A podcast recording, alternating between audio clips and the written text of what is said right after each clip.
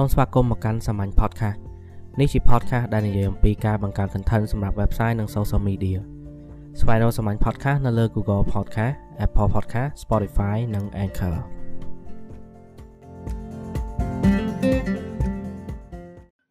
ប្រធានបទនៅក្នុងអេពីសូតនេះគឺបើសិនជាគេជាអតិជនគោលដៅរបស់យើង គេប្រកាសជាសួរយើងហើយនៅពេលដែលយើងចាប់ផ្ដើមធ្វើ content marketing យើងប្រកាសជាឆ្ងល់មួយគឺថានៅក្នុង content គឺយើងមិនចង់ធ្វើការ promotion ទេព្រោះបើសិនជាយើង promotion វាមិនមែនជា content marketing ទេហើយយើងឆ្ងល់មួយទៀតថា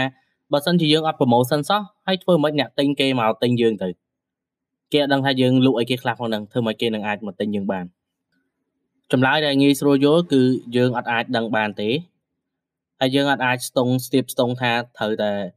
promotion បានមានគេទិញដែរវាមិនប្រកាសទេនិយាយទៅគឺវាអត់ប្រកាសទាំងសងខាង ទោះបីជាយើងប្រឹងផ្សព្វផ្សាយប្រឹង advertise មកក៏ដោយបើសិនជាអ្វីដែលយើង advertise ឬក៏សេវាកម្មរបស់យើងហ្នឹង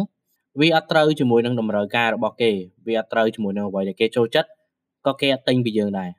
content marketing ដូចគ្នានៅពេលដែលយើងធ្វើវាចេញទៅបើសិនជាវាអត់តាក់ទងជាមួយនឹងចំណង់ចំណូលចិត្តរបស់គេឬក៏អត់ត្រូវនឹងតម្រូវការរបស់គេទេក៏គេអត់អត់ទិញយើងដែរ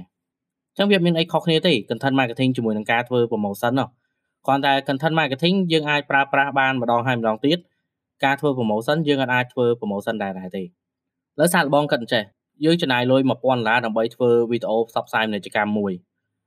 ហើយមួយទៀតយើងចំណាយលុយ1000ដុល្លារដើម្បីធ្វើវីដេអូផ្សព្វផ្សាយពាណិជ្ជកម្ម20សម្រាប់ content marketing ដោយសារតែ content marketing យើងអត់ចាំបាច់ខ្វល់ពី quality ខ្លាំងពេកទេគឺយើងគិតគូរពីចំនួនបរិមាណកាន់តែច្រើនកាន់តែល្អកាន់តែ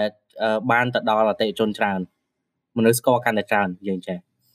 អញ្ចឹងអា1000ដុល្លារដែលយើងចំណាយទៅលើធ្វើ promotion វីដេអូ promotion ហ្នឹងយើងអាចប្រើបានតែម្ដងឬក៏ពីរដងទេអស់ហើយ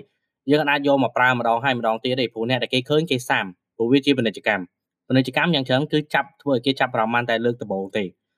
តែសម្រាប់ content marketing វិញខុសគ្នាយើងអាចយកមកប្រើម្ដងហើយម្ដងទៀតម្ដងហើយម្ដងទៀត ហើយវាអត់មានប៉ះពាល់អីទាំងអស់វាអត់មានប៉ះពាល់ដល់កិត្តិយសរបស់ business យើងវាអត់មានប៉ះពាល់ដល់ការរកស៊ីចំណូលចំណាយអីទេយើងប្រើបានម្ដងហើយម្ដងទៀតតែនៅពេលដែលលទ្ធផលវិញលទ្ធផលរបស់វាគឺនៅពេលដែលការផ្សព្វផ្សាយរបស់យើងហ្នឹងវាទៅប៉ះអ្នកដែលត្រូវការរបស់យើងហ្នឹងតម្រូវការវាប៉ះគ្នានិយាយទៅ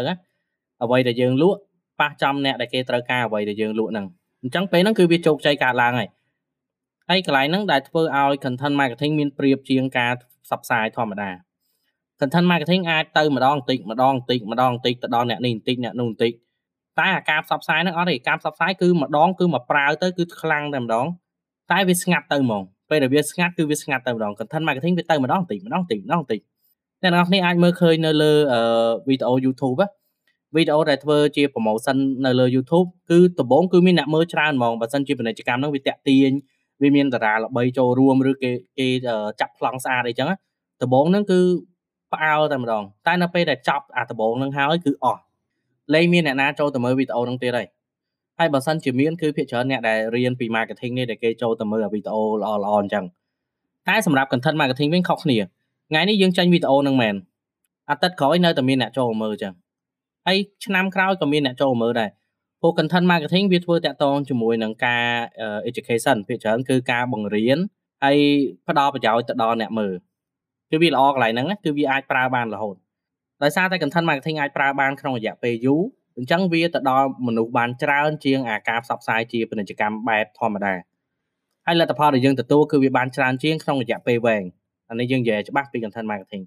ចឹងអ្នកទាំងអស់គ្នាអត់ចាំបាច់ខ្វល់ថាផ្សព្វផ្សាយមិនឲ្យគេមកទិញទេនៅពេលដែលការផ្សព្វផ្សាយរបស់យើងនឹងទៅដល់អ្នកដែលគេត្រូវការហ្នឹងគឺគេមកទិញហើយចឹងបានជាគេនិយាយថាបើសិនជាគេជាអតិជនរបស់យើងគេនឹងសួរយើងហើយតែបើគេមិនមែនជាអតិជនរបស់យើងទេគេគ្រាន់តែមើល content យើងហើយទៅគេចុច like ចុចអីទៅអស់ហើយឬបើគេយ៉ាងច្រើនគេចូល comment រូប sticker អីទៅដើម្បីឲ្យបង្ហាញថាគេអរគុណចំពោះការបង្កើត content របស់យើងហ្នឹងតែប៉ុណ្្នឹងឯងតែគេមិនមែនជាអតិជនរបស់យើងទេ យើងធ្វើ content marketing យើងធ្វើដើម្បីរកអតិថិជនខ្លួនឯងអញ្ចឹងវាត្រូវការចំណាយពេលយូរយើងមិនមែនរកអ្នកតែចុច like របស់យើងចោលទេយើងត្រូវការអតិថិជនត្រូវការអ្នកដែលហ៊ានចំណាយលុយទិញសេវាកម្មឬក៏ផលិតផលរបស់យើងអញ្ចឹងហើយបានជាវាត្រូវការពេលយូរ content marketing គឺសម្រាប់អ្នកដែលធ្វើអាជីវកម្មមានការអត់ធ្មត់ខ្លួនឯងគាត់ធ្វើអាជីវកម្ម long term គាត់មិនមែនធ្វើមកប្រើរហូតទៅធ្វើអីផ្សេងទៀតទេដូចសេរីអ្នកលក់លេវិញលក់អស់មកប្រើចេញ brand ចេញមួយម៉ាកទៀតមក លក់អស់មកប្រើទៀតចេញមួយម៉ាកទៀតមកធ្វើមិនឲ្យតែបានលុយទេគាត់ខ្វល់ថាក្នុងរយៈពេលយូរទៀតគាត់ត្រូវធ្វើមិនទេសំខាន់គឺលុយនៅក្នុងដៃគាត់គាត់គិតតែពីលុយទេអញ្ចឹងសម្រាប់អ្នកដែលធ្វើអាជីវកម្មដែលមិនគិតពីលុយគិតពីគេឈ្មោះខ្លួនឯងគិតពីគេឈ្មោះ business ខ្លួនឯង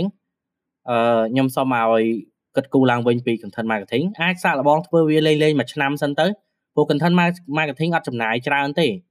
បើសិនជាជួបុគ្គលិកជួតែត្រឹមម្នាក់ឬពីរនាក់អាចធ្វើបានហើយនៅក្នុងក្រុមហ៊ុនមួយ ប៉ុន្តែផលប្រយោជន៍វាយើងអាចប្រើបានយូរអញ្ចឹងខ្ញុំមានតែប៉ុណ្្នឹងទេនៅក្នុងអេពីសូតនេះហើយអ្នកដែលចង់រៀនបន្ថែមពី content marketing អាច scroll ចុះទៅក្រោមទៀតមើលអេពីសូតចាស់ចាស់របស់ខ្ញុំទៅហើយស្ដាប់ឲ្យចប់នឹងយល់ហើយហើយបើសិនជាអត់យល់ទេអាចផ្ញើសារមកជាសំណួរនៅក្នុង page Facebook ឈ្មោះថាសាមញ្ញហើយខ្ញុំនឹងព្យាយាមឆ្លើយជាអេពីសូតបែបនេះអរគុណ